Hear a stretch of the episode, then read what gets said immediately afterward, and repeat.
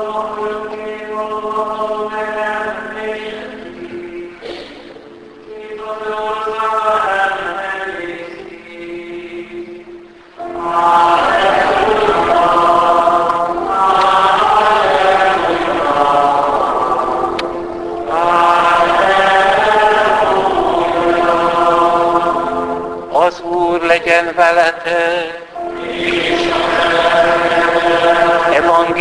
Szent János könyvéből.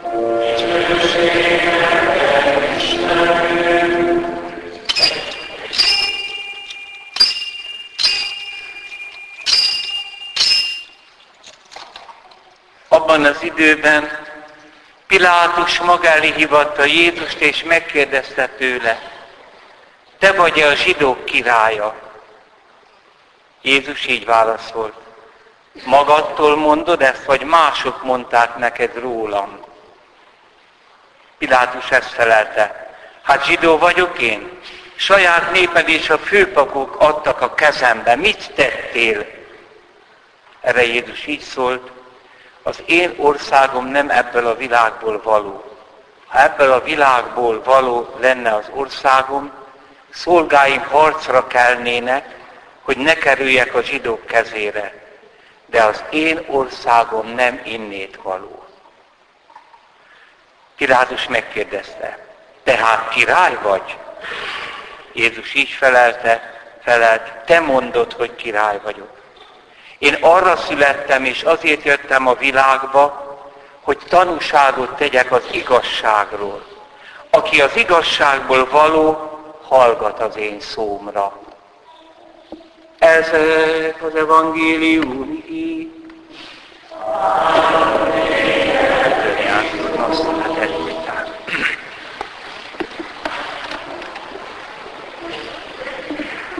Kedves testvéreim, a Szent Misét nyitó nagy könyörgésben azt, ké, azt mondtuk, minden az örök Isten öröktől fogva úgy határoztál, hogy szeretett fiadban, a mindenség királyában megújítasz minden, az, hogy az egész teremtett világ megszabaduljon a bűn szolgaságából. Hát a teremtett világ, a csillagvilág, az anyag, a bűn szolgaságába került? Igen. Hogyan került oda? és hogyan szabadul meg. Isten az embert az ő képére teremtette és a világba helyezte, a világ Istenévé tette. Az ember uralma annyiban áll fönn, amennyiben ő az Istenhez tartozik. Ha Istentől elszakad, akkor a világ fölötti uralma a bűn uralmává lesz. A mindenséget saját magával kiszolgáltatja a semminek.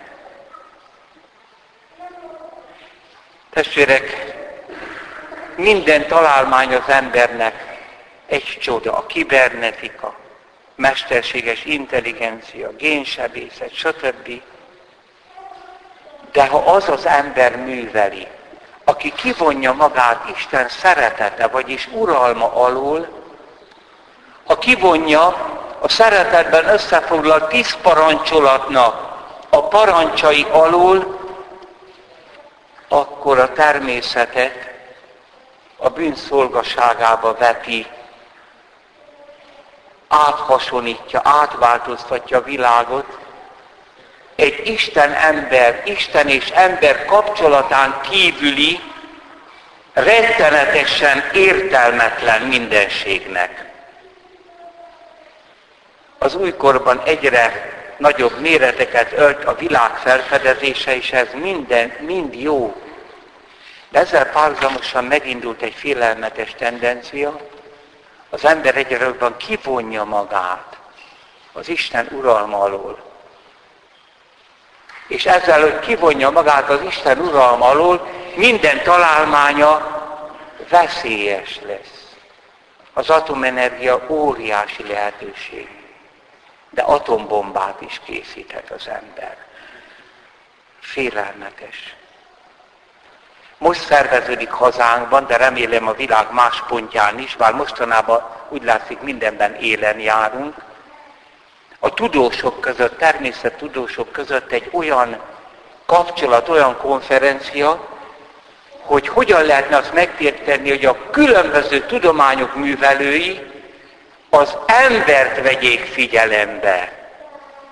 Tehát a tudományok erkölcsisége és Isten, a tudományok teológiája. Hihetetlen fordulat lenne. De csak, ennek nem csak nézői vagyunk ám testvérek, hanem minden nap ezt kell tenni. Isten uralma alá vetni magunkat, ez az uralom mindig azt jelenti, hogy Isten szeretetének alávetni az életünket. Krisztusban. És akkor az egész életünk, napjaink, a hétköznapjaink bele lesznek emelve Krisztus uralmába, és kivonjuk a sátán uralma alól. Mert az a fajta szekularizáció, evilágiság, amely elindult a reneszánsztól, felgyorsult az úgy nevezett felvilágosodástól és a tomból, egyre látjuk, hogy egy ragyogó világ született, és egy kétségbeeltő világ egyszerre. Az ember kivonta magát Isten uralma alól, és most így akar uralkodni a Földön, és hirtelen talál, találmányai ellene fordulnak. Ezt egyedül a názereti Jézus tud ezen segíteni, akiben az Isten uralma visszaállt az egész csillagvilágba. Tudni, hogy a második isteni személy és emberé lett. És ezt az országot hirdeti, rossz fordítás, nem ország, országrás, egy folyamat. A názereti Jézusban az Atyaisten mindig atya maradhat. Ez a kapcsolat az Isten országa. És ezt nyitotta meg nekünk halálával és föltámadásával és kiárasztva szívünkbe a szent lelket, tehát az ember újra bevette az Istennel való kapcsolatba. És most mindent ebbe, ebbe a kapcsolatba kell beleemelni. Kedves testvérek, óriási feladat. Viszont az ellenkezőt, mikor megtapasztaljuk, szupergazdag környezet, minden találmányal el van látva a szinte palotaszerű ház. De a lakók szíve nincs alávetve Isten uralmának. És ezért nem is egymás szeretete uralkodik. A kényelmesség, az élvezetek paradicsoma, de minden profanizálva van. És ebben a környezetben a gonosz lélek, a bukott angyal átveszi az uralmat, testvérek.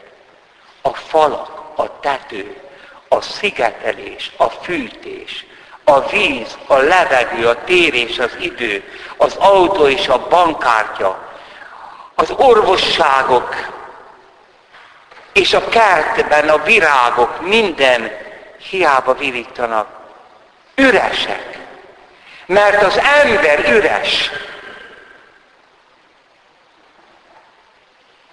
A ház, a villa, amiben valójában nem ember lakik, hanem csak egy eszes állat. Televéve, ok, telerakva okos telefonnal, okos mosógéppel, okos rádióval. Minden áronvonalas, gomnyomással működik. Minden okos. Csak az ember van totálisan a léthez való viszonyában, felbutítva. Itt minden birtokol a gonosz szellem.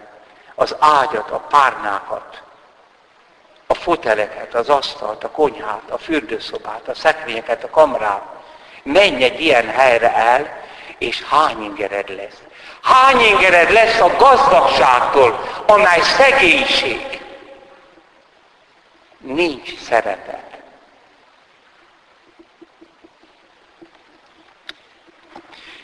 Ki van véve minden a szeretet uralmáról. A hóesés is. Az első ibolya, amely illatozik. A kertben élő gyümölcsök, az ősznek a festészete, a hangok. Legfeljebb a popzene ordít, ez a szemérmetlen, rángatózós, nyálas valami zajban.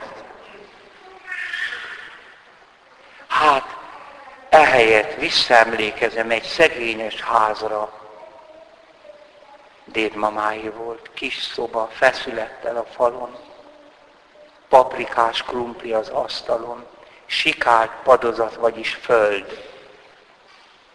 Micsoda kultúra, micsoda ízlés, micsoda szeretet. És micsoda csend.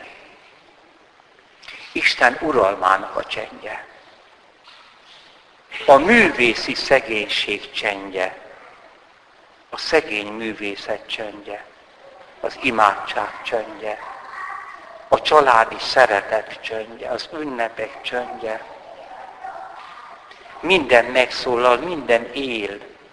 Testvérem, dobálj ki mindent, amire nem tudod kiterjeszteni a te Istentől kapott hatalmadat. És amire ki tudod terjeszteni, azt pedig változtasd át. A mobilon csak igazság és szeretet közvetíthető. A tévé és a média eszközetei, az internetek.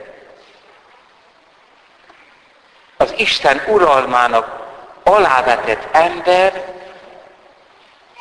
megszabadítja a természetet a hiába valóságtól. Talán ez az egyik értelme az áldásoknak. Házszentelés, búzaszentelés, autó megáldás, ételszentelés. A mai ember, még a katolikus is, hogy mosolyog, hogy megkintjük szentelt vissza az autót. Hatalmas esemény. Nem jelenti, hogy nem lehet baleset hanem ezt az eszközt alárendelem a szeretet uralmának. Nem megyek bele sehova és semmiért. Belehelyezem Isten és az én kapcsolatomba.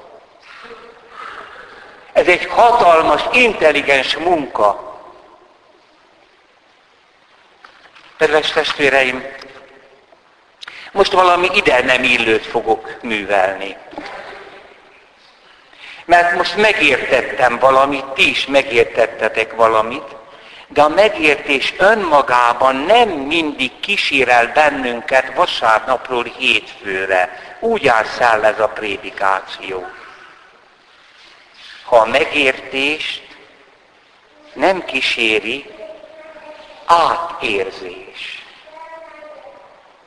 Olyan átérzés, amely megérinti a szívünket is. Persze fordítva is így van. Nagyon jó megérintetnek lenni. Francia azt mondja, tusé. Azt jelenti, hogy meghatódottnak lenni. Valaki megérinti a szívem mélyét, de ez kevés. El kell róla gondolkodni, hogy ki az, és mi történt most. Talán úgy szólnak ezek a sorok Fekete Istvántól, mintha semmi köze nem lenne, amit mondok. De pontosan erről szól. Nagyanyám. Miért próbálnám megmagyarázni, hogy a nagyszülők jobban szeretik unokáikat, mint a rendes szülők, amikor nem tudom megmagyarázni? Talán tűnő életük apró kis folytatásait jobban látják. Talán gyengébbek és bölcsebbek az öreg szívekben érettebb a szeretet, megbocsátóbb és nagyobb. Vagy pótolni akarnak valamit, amit elmulasztottak, és az unokában önmagukat és gyermekeiket szeretik. Megint csak nem tudom, de ez nem is fontos. Többnyire így van, és kész. És kész. Én minden esetre nagyanyám fia voltam. Alig hiszem, hogy szüleim túlságosan megerőltették volna magukat közvetlen és viharos birtoklásomért. Tudni, nagymamámmal külön laktunk, külön étkeztünk, és külön reszkedtünk, ha apám dübörgő léptei közeledtek külön szobánk felé, és egyetlen rövid koppantás után felszakadt az ajtó. Nincs itt az a lókötő! A lókötőnek nevezett egyén ugyanakkor vagy az ágy alatt tartózkodott, vagy a szekrény múltszagú mélyén vacogtatta fogait. Nincs kisfiam. Miért? Kiszedte a kisbagyokat a templom padlásról. Még abban a szorult percben is furcsa volt, hogy apámat kisfiamnak szólítja valaki.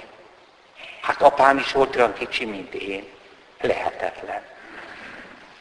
Te is kiszedted, kisfiam. Csend. Gondolatok szétszakadtak, az idő elmúlt útjain, és visszatértek. Megtiltottam neki, mondta apám, most már csendesebben. Akkor majd visszarakja őket. Megjött az orvosságom, az éjjel megint nagyon fulladtam. A vihar elmúlt, legalább a vihar csattogó eleje, és én kicsi megviselve bújtam elő a szekrényből, nem felejtve, hogy ott az egyik téli kabáton csodálatos gombok vannak, már tapintásra is. Így éltünk nagymamámmal elmélyült védszövetségben és nagy szeretetben, amelyben bevallom, igen kis részt képviseltem én. Nagyamám egyébként keresztanyám is volt. Ő tanított imádkozni. Tőle kaptam az első rózsafüzért, amelynek minden szeme valódi rubint volt. És amikor valaki felvilágosított, hogy az közönséges üveg, csak felnőtt korára való tekintettel nem rúgtam meg az illetőt. Természetesen első gyónásomra is közösen készültünk.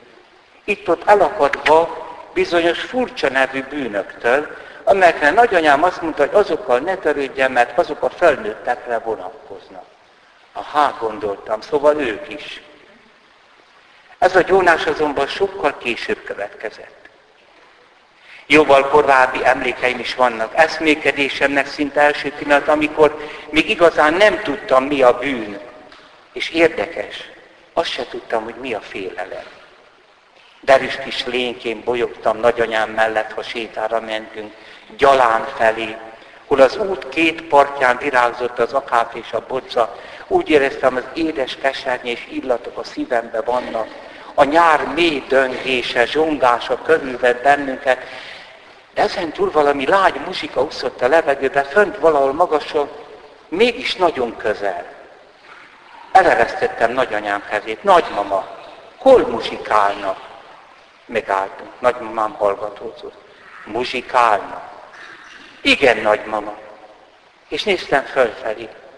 Föl az akácok koronájára a felhőtlen délután égre. Talán a méheket hallod? Nem, nagymama. Mint a, mint a, nem is tudtam semmihez hasonlítani muzsikát, ami édes, orgonáló, hárfás, lágy zengéssel úszott a fák fölött az ég alatt, fülembe és az egész testemben, tisztán és világosan. Nagymamám megdöbbentve nézett rám, képzelődsz, de nem szabad hazudni, kisfiam. De nagymama, én hallom, hallom ott. És felmutattam bizonytalanul valahová, mert hiszen a csodálatos muzsika hol itt repült, hol ott szétterült, aztán majdnem elenyészett hogy újra felzendüljön más helyen, de mindig fent, mindig fent, mint a kerengő szél, amelytől nem mozdul meg egyetlen falevése. Nagyanám szemében félelem volt ekkor már. Kezemet szorosan fogta, és száraz öreg keze elhidegedett. Menjünk haza, mondta, csak nem leszel beteg, vallattunk hazafelé, és hogy közeledett a falu, úgy mullott mögöttünk a muzsikaszó, azóta se hallom. Amikor nagymama haldoklott, nem voltam otthon. De apám elmondta, hogy lassú elmúlásában többször magához tért, és ilyenkor megkérdezte, hol muzsikálnak kisfiam? Apám alig tudott válaszolni. Nem muzsikálnak, édesanyám. De én hallom, suktott, csak csodálatos, tisztán hallom és mosolyogva nézett túl az öreg gerendákon. Aztán úgy is aludt el. És azóta tudom, hogy nem káprázat és nem képzelet játszott velünk. Eszmélő, és elröppenő lelkünk sorvadó földi antennája fogta fel egy más világ magasságainak muzsikáját, mert a gyermekek és a haldoklók nem hazudnak. Vajon hallom-e még egyszer? És mikor hallom? Most már értem, hogy mi a Fekete István művészetébe az a plusz. Amikor egy sündisznóról vagy vaddisznóról ír, vagy a bogarakról, vagy az erdőről, amit nem szabad tönkre tenni. Egy ember jár itt, akinek a szíve alá volt vetve Isten uralmára. Kispapkoromba minden karácsony éjszakán hívott bennünket, hogy a villájába misézzünk, mondjuk az éjféli misét. Hallotta azt, amit János a látnok. A bárány átvette a könyvet, és a négy élőlény 24 vén leborult a bárány előtt. Hárfaja volt mindegyiknek. Töménnel teli aranycsészi, ezek a szentek imádságai. Új éneket énekeltek.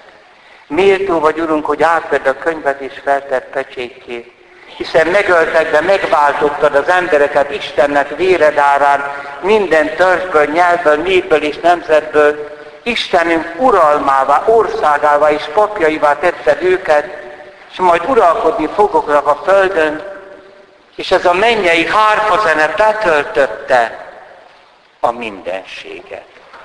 A Szent Mise Gregorián énekei innét való nem helyettesíthető. Amikor Simon Weil, ez a zseniális zsidó lány, először hallotta a latin egyház énekét, azt mondta később, én akkor tudtam, hogy a názáreti Isten. Amen. Hiszek az egy Istenben, minden voltában, mennek és föld, minden láthatónak és láthatatlanak szeretni